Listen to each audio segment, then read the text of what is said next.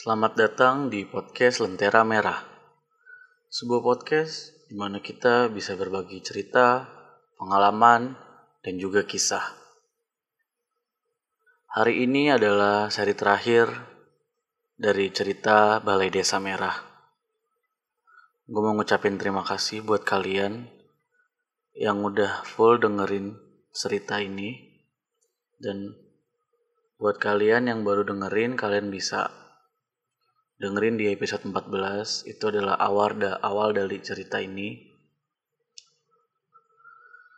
Ya seperti biasa sebelum gue mulai ceritanya gue mau ngingetin buat jangan lupa untuk subscribe jangan lupa juga untuk like terus share juga video biar teman-teman kalian atau orang terdekat kalian bisa dengerin podcast ini juga dan jangan lupa juga untuk klik lonceng notifikasi biar kalian tahu update terbaru dari kami. Dan untuk Mas Adi, terima kasih untuk cerita Balai Desa Merahnya karena telah memberikan izin buat podcast ini untuk menceritakan kisah seramnya ini. Lalu sebelum kita mulai, mari kita dengarkan yang mau lewat satu ini.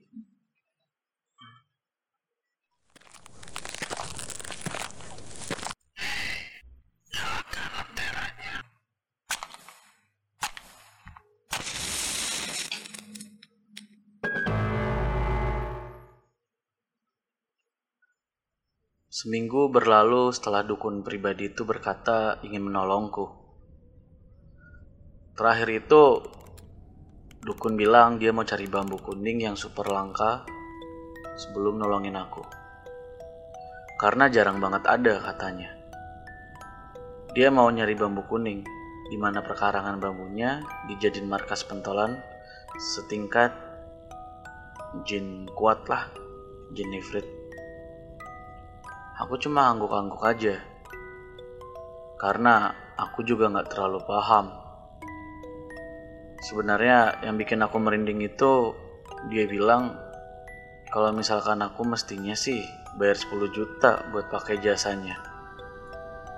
Cuma berhubung aku temen Yudi dan bapaknya Yudi itu sama itu dukun udah sohib banget aku jadi nggak usah bayar.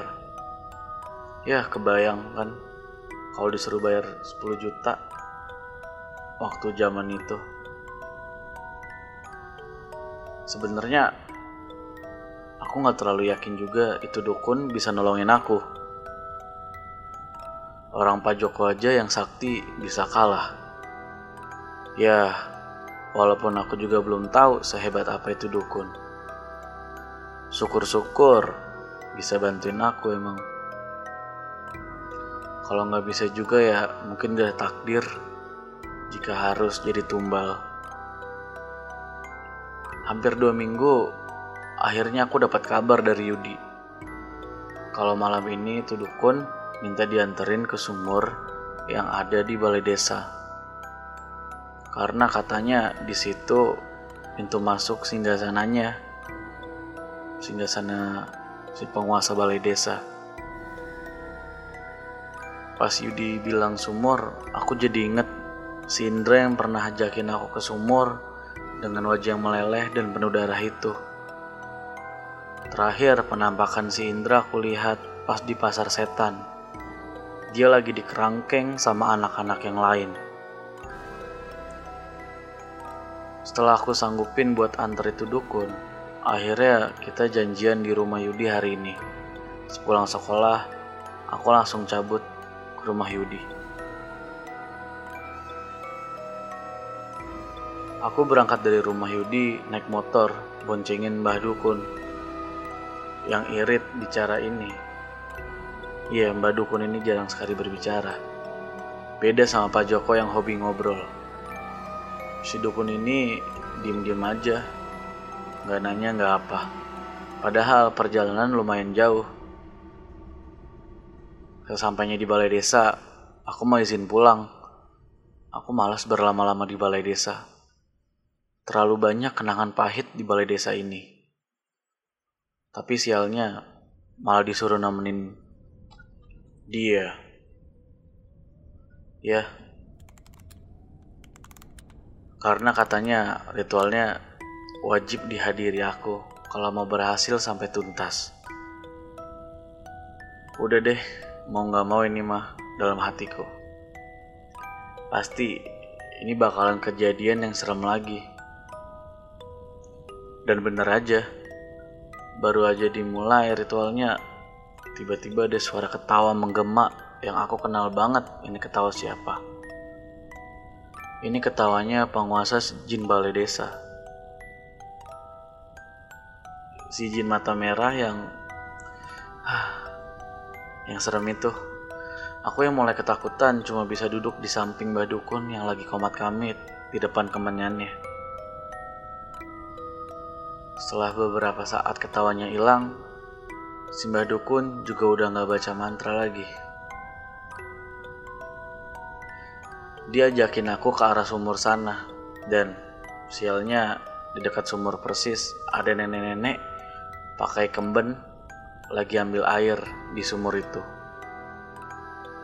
Aku udah yakin ini pasti salah satu jin di sini. Ya, mana ada nenek-nenek pakai kemben malam-malam ambil air di sini kalau bukan jin. Pas aku dekat Mbak Dukun bilang disuruh minum air yang dikasih nenek itu sebelum masuk ke kerajaan penguasa balai desa. Tapi sialnya itu sumur dideketin makin bau busuk, makin parah. Aku beberapa kali mau muntah. Nah, pas aku mau ambil air, si nenek mukanya ngadep ke arah aku. Ternyata dilihat dari depan mukanya hancur parah. Sampai ada belatungnya. Aku mau balik kanan, tapi dipegangin sama dukunnya. Dia bilang, udah terlambat, kita nggak bisa balik lagi. Kalau nggak diselesain malam ini, sudah pasti aku bakal jadi tumbal.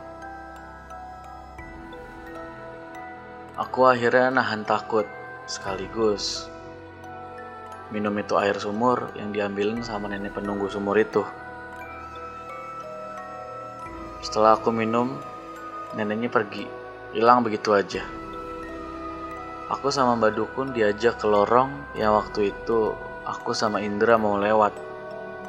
Anehnya, pas masuk lorong itu, aku malah keluar ke tempat yang gak pernah aku kenalin. Tapi suasananya sama persis, kayak pasar setan yang dulu pernah aku lihat. Di sana banyak warga lalu lalang, tapi aku tahu kalau mereka itu bukan manusia, tapi setan.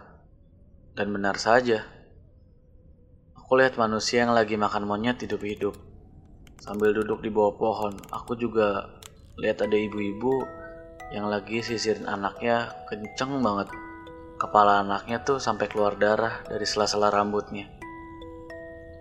Ada juga anak-anak yang narik jarinya sampai putus, terus dikasih ke hewan yang bentuknya serem. Ya aku nggak pernah lihat kalau di kehidupan nyata tapi kalau dimiripin ya bentuknya kayak kucing cuma kulitnya sisik bersisik seperti ikan dan masih banyak lagi kejadian aneh. Aku ceritain yang seram-seram saja. Aku takut. Cuma karena udah gak bisa mundur ya mau gimana lagi kan? Gak lama perjalananku sampai di depan gerbang yang aku familiar banget. Ini gerbang balai desa. Ditambah penjaganya raksasa yang cuma kelihatan kakinya saja.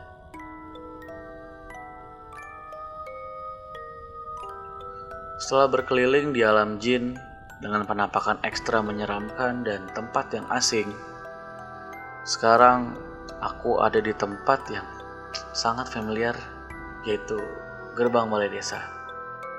Benar,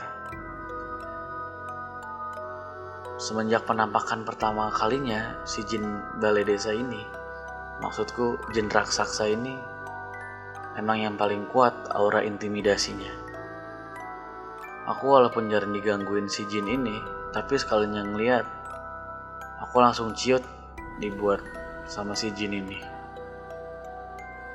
Pas aku dan Mbah Dukun mau masuk, jin raksasa ini malah mengaum. Sampai suaranya bikin kupingku pengang. Herannya warga nggak ada yang dengar. Mungkin aku masih beda alam sama manusia lain. Habis raksasanya mengaum tiba-tiba, eh ada angin kencang yang bikin kita kesulitan buat masuk ke balai desa. Jangankan masuk, jalan satu langkah aja susah.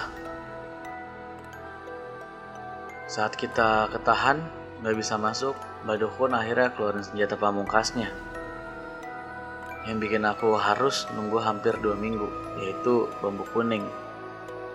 Mbak Dukun baca mantra, Selesai baca mantra, Mbak Dukun tancepin bambu kuningnya ke tanah. Aku yang gak bisa apa-apa cuma liatin sambil nahan angin yang bertiup kencang. Herannya selang berapa saat, jin raksasanya hilang. Bersamaan dengan angin yang juga tiba-tiba normal lagi. Aku lanjut masuk ke balai desa. Anehnya lagi, pintu balai desa nggak kekunci. Padahal malam-malam gini pasti dikunci. Ya, tapi bodohnya aku. Aku masih menganggap ini adalah dunia manusia. Sampai hal kayak gitu aja aku pikirin. Ya jelas nggak kekunci, orang ini alam lain. Dari luar emang kelihatan kayak balai desa. Tapi pas udah masuk, kenyataannya beda banget kayak gua gitu. Ada lorong-lorongnya. Aku nyusirin lorong itu sama mbak dukun sambil nahan bau yang identik banget sama jin balai desa. Yaitu bau busuk. Setelah lumayan lama tersiksa sama bau di lorong aku akhirnya sampai di ujung lorong. Di sana cuma ruangan kosong yang ngeluarin aura panas. Di sana nggak ada siapa-siapa dan nggak ada penampakan apa-apa. Sampai akhirnya si Mbah Dukun ini komat kamit lagi. Barulah muncul penampakan Indra dan sosok-sosok lain yang belum pernah aku lihat. Tapi keadaannya sama kayak Indra, tangannya dirantai. Ada yang anak, ada yang remaja, ada juga yang sosok bapak-bapak. Mereka semua sama dengan tampang seram dan penuh luka di wajah juga sekujur tubuhnya. Pakaiannya kayak pakaian manusia, biasa cuma pada sobek dan lusuh. Mereka nunduk sambil nangis. Aku yakin mereka itu adalah tumbal-tumbal yang berhasil dijadikan budak oleh penguasa balai desa. Karena mereka bukan jin yang biasa gangguin aku. Suara rintihan mereka saling bersautan. Jadi ngedengarnya tuh sedih sekaligus serem sama penampakan mereka. Aku sampai tutup mata dan kuping saking gak mau denger dan lihat mereka. Sesaat kemudian, tiba-tiba semuanya hening. Dan tiba-tiba juga muncul penampakan jin yang tidak asing lagi buat aku. Siapa lagi kalau bukan penguasa balai desa? Aura panasnya, matanya yang merah, kukunya yang panjang dan bara api yang ada di tubuhnya seketika bikin Jin Indra dan lainnya takut sampai mereka akhirnya duduk bersimpuh di depan penguasa balai desa.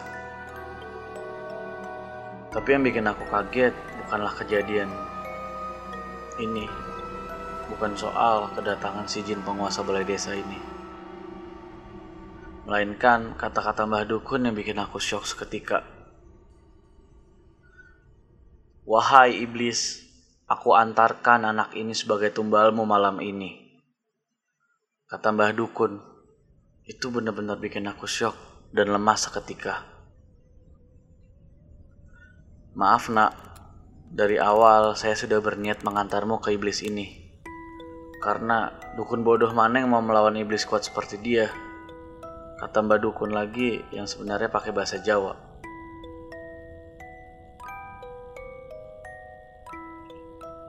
Tahu kalau ternyata dukun itu malah mau menyerahkan aku ke penguasa balai desa. bikin aku jadi kebingungan sama posisiku waktu itu. Mau kabur bingung, karena ini alam lain. Di mana juga jalan keluarnya aku nggak tahu. Diem aja di situ juga, yang ada aku dimakan sama penguasa balai desa. Posisiku serba salah kalau udah kayak gini. Dari sudut yang lain, yang lebih gelap, penguasa balai desa mulai mendekat perlahan. Aku yang mau mundur dipegang tangannya sama Mbah Dukun, karena semakin dekat jin penguasa balai desa. Dalam posisi ketakutan, aku refleks nonjok Mbah Dukun sampai Mbah Dukun akhirnya tangan dia udah nggak nahan tanganku lagi. Aku langsung lari ke lorong gelap yang bau busuk itu. Aku lari sekuat yang aku bisa. Tapi herannya, lorong yang awalnya ada ujungnya, sekarang kenapa seperti nggak berujung? Aku yang udah lemas mutusin buat berhenti. Sekalian mikirin cara dan mencari jalan keluar yang mungkin ada. Tapi emang gak ada celah lain buat keluar. Baru sebentar tarik nafas dari kejauhan, kedengaran suara langkah sekumpulan orang yang lari yang menuju ke arahku berdiri. Aku yang dengar suara itu mulai ketakutan lagi dan memutuskan buat lanjut lari lagi. Aku udah lari sekuat tenaga, tapi anehnya suara langkah sekumpulan orang lari itu bukannya semakin jauh, malah kayak dekat banget. Tapi anehnya, aku noleh ke belakang gak ada penampakan apa-apa. Lorong yang sedikit remang-remang seharusnya cukup buat aku ngeliat kalau emang ada penampakan tepat di belakangku. Saking takutnya sama suara yang ngikutin aku, aku jadi beberapa kali noleh ke belakang khawatir ada jin yang emang posisinya udah dekat di belakangku. Sialnya, tiba-tiba aku nabrak sesuatu yang setelah aku lihat ternyata penampakan pocong yang memiliki penampakan seram lengkap dengan kapas di hidungnya. Dia melihatku yang sedang jatuh. Aku refleks merem dan mundur. Belum reda kagetku karena penampakan pocong yang aku tabrak. Tiba-tiba kakiku ada yang narik. Tarikannya kencang banget. Nyeret aku balik lagi ke ruangan jin balai desa. Sepanjang lorong saat itu aku diseret. Aku lihat penampakan jin-jin lain yang tertawa melihat aku dalam posisi teriak dan ketakutan. Akhirnya jin itu ngebawaku ke ruangan yang sama, yaitu ruangan di mana itu dukun bawa aku untuk jadikan tumbal penguasa balai desa. Di sana aku lihat dukun sialan itu dia tertawa terbahak-bahak. Lihat aku balik lagi. Dan kali ini aku nggak bisa kabur seperti sebelumnya. Karena jin yang menarikku masih pegangin kakiku. Ditambah tiga penampakan jin lain yang menyerupai pocong yang waktu itu aku ketindihan. Nah, mereka itu ikut bantuin buat megangin tangan dan kakiku. Waktu itu aku cuma bisa menghardik dukun sialan itu sambil coba goyang-goyangin kaki dan tanganku. Tapi percuma, itu jin, bukan badukun yang bisa ditampol supaya dia ngelepasin pegangannya. Semakin aku gerak, semakin kencang pegangannya. Pada akhirnya aku nyerah sama keadaan. Waktu itu aku pasrah sama nasib yang akan menimpaku. Ya, mungkin aku memang harus berakhir menjadi tumbal. Aku yang udah mulai pasrah didatengin sosok penampakan jin penguasa balai desa yang wajahnya didekatkan ke wajahku. Aku bisa lihat wajah gosongnya mengeluarkan hawa panas. Kukunya yang tajam digoresin ke bajuku sampai nembus ke kulit. Kayaknya dia udah siap buat ambil nyawaku. Dan akhirnya Hari ini aku masih bisa berbagi cerita sama kalian. Dan kalian tahu apa yang terjadi di ujung ritual itu? Adalah yang membuatku masih sehat dan bisa membagikan kisah ini.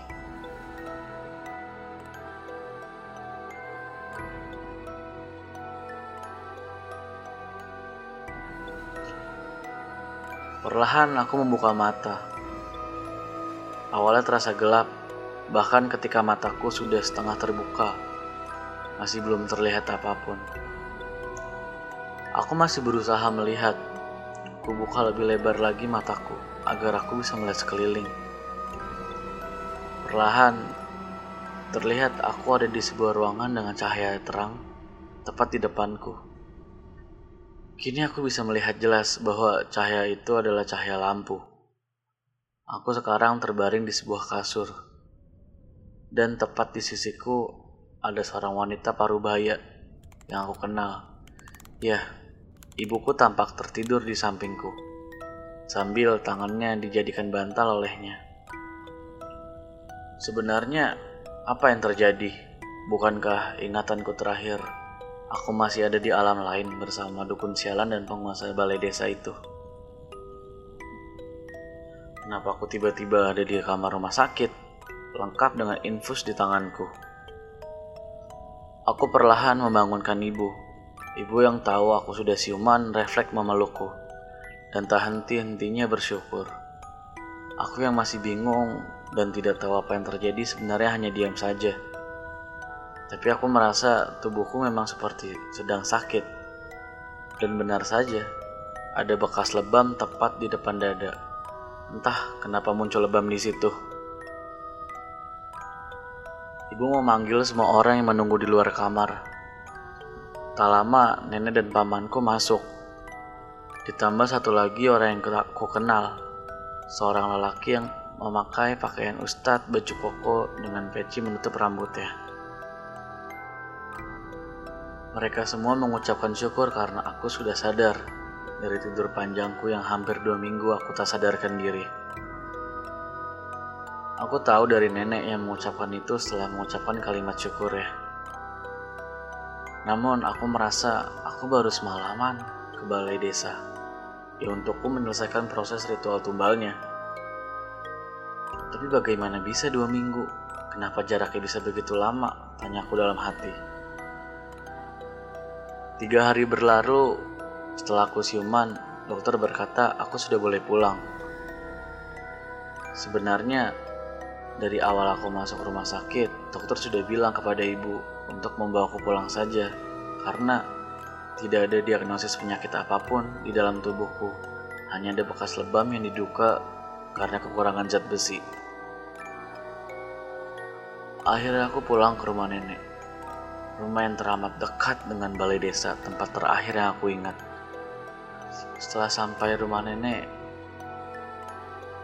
nenek mengantarku di ruang kamar. Ibu sempat menemaniku sebentar sambil membawa beberapa snack dan buah. Sampai akhirnya pria yang berpakaian seperti ustadz itu hadir dan meminta izin kepada ibu untuk berbicara empat mata denganku. Sebelum ibu pergi, ibu memperkenalkan pria itu. Pria itu bernama Ustadz Muri. Beliau adalah ahli rukyah yang cukup terkenal di Jakarta. Ibu memintanya datang ke kampungku khusus untuk menolongku yang sudah lama tidak sadarkan diri. Akhirnya tinggallah kami berdua di kamarku. Ustadz itu bertanya, apakah aku masih sakit pasca kejadian di balai desa. Aku menjawab masih terasa sakit sedikit. Lalu Ustadz itu berkata, apakah saya sholat lima waktu? Dia berkata orang yang jauh dari sang penciptanya adalah sasaran empuk dari makhluk-makhluk jahat yang ingin mengganggu manusia. Dia mengajarkanku mulai ini dan seterusnya untuk sholat lima waktu di masjid. Setelah sedikit tausiah, Ustadz itu berkata bahwa menurut cerita penduduk, aku ditemukan dua minggu lalu dengan kondisi lusuh dan ada bekas lebam di dada, juga tidak sadarkan diri. Lalu aku dibawa ke rumah nenek dan diobati oleh semua orang pintar yang ada di desa. Tapi tidak berhasil. Lalu khawatir terjadi apa-apa yang berhubungan dengan medis, maka ibu dan nenekku membawa ke rumah sakit dan di sana dokter juga tidak bisa banyak membantu. Sampai akhirnya Ustadz Muri datang dan merukiahku hampir 8 jam lamanya. Baru esoknya aku sadarkan diri. Malamnya ketika di rukiah yang awalnya aku terpejam tiba-tiba saja aku terbangun sambil teriak kesakitan. Teriakanku sampai mengganggu pasien di ruangan yang lain saking kencangnya. Setelah beberapa kali melakukan perlawanan, aku akhirnya bisa tenang dan kembali tidak sadarkan diri. Dan bisa ditebak besoknya aku sadar. Aku bertanya kepada Ustadz, bahwasannya aku tidak pingsan selama itu harusnya. Karena aku yakin betul jarak antara aku siuman dengan kejadian di balai desa tidak hanya ya tidak mungkin selama itu. Yang aku pikir itu hanya selisih satu malam. Tapi pernyataan nenek dan warga membuatku mau tidak mau mempercayai mereka bahwa aku sudah tidak sadarkan diri selama itu. Lalu aku bercerita tentang kejadian malam sebelum aku siuman di mana bertepatan ketika aku di Rukiah. Aku bercerita kepada Ustadz. Malam itu aku ada di alam arwah dan siap dijadikan tumbal. Ya, tumbal penguasa jin balai desa yang sudah siap menusukkan kukunya yang tajam di perutku. Lalu tiba-tiba saja jin balai desa urung melakukannya. Malah dia teriak kepanasan. Saat itu juga aku mendengar lantunan ayat suci yang dibacakan oleh seorang laki-laki. Tak lama jin balai desa hilang dan menyisakan indera CS yang membuka lebar mulutku dan memaksa masuk secara bersamaan sampai aku merasa mulutku mau robek. Sampai situ aku tidak ingat apa-apa lagi. Dan aku juga bercerita tentang dukun sialan itu dan juga Yudi dan keluarganya. Namun Ustadz menyangkal bahwa tidak ada anak bernama Yudi yang datang ke rumah dalam kondisi pingsan sehabis diganggu di rumah.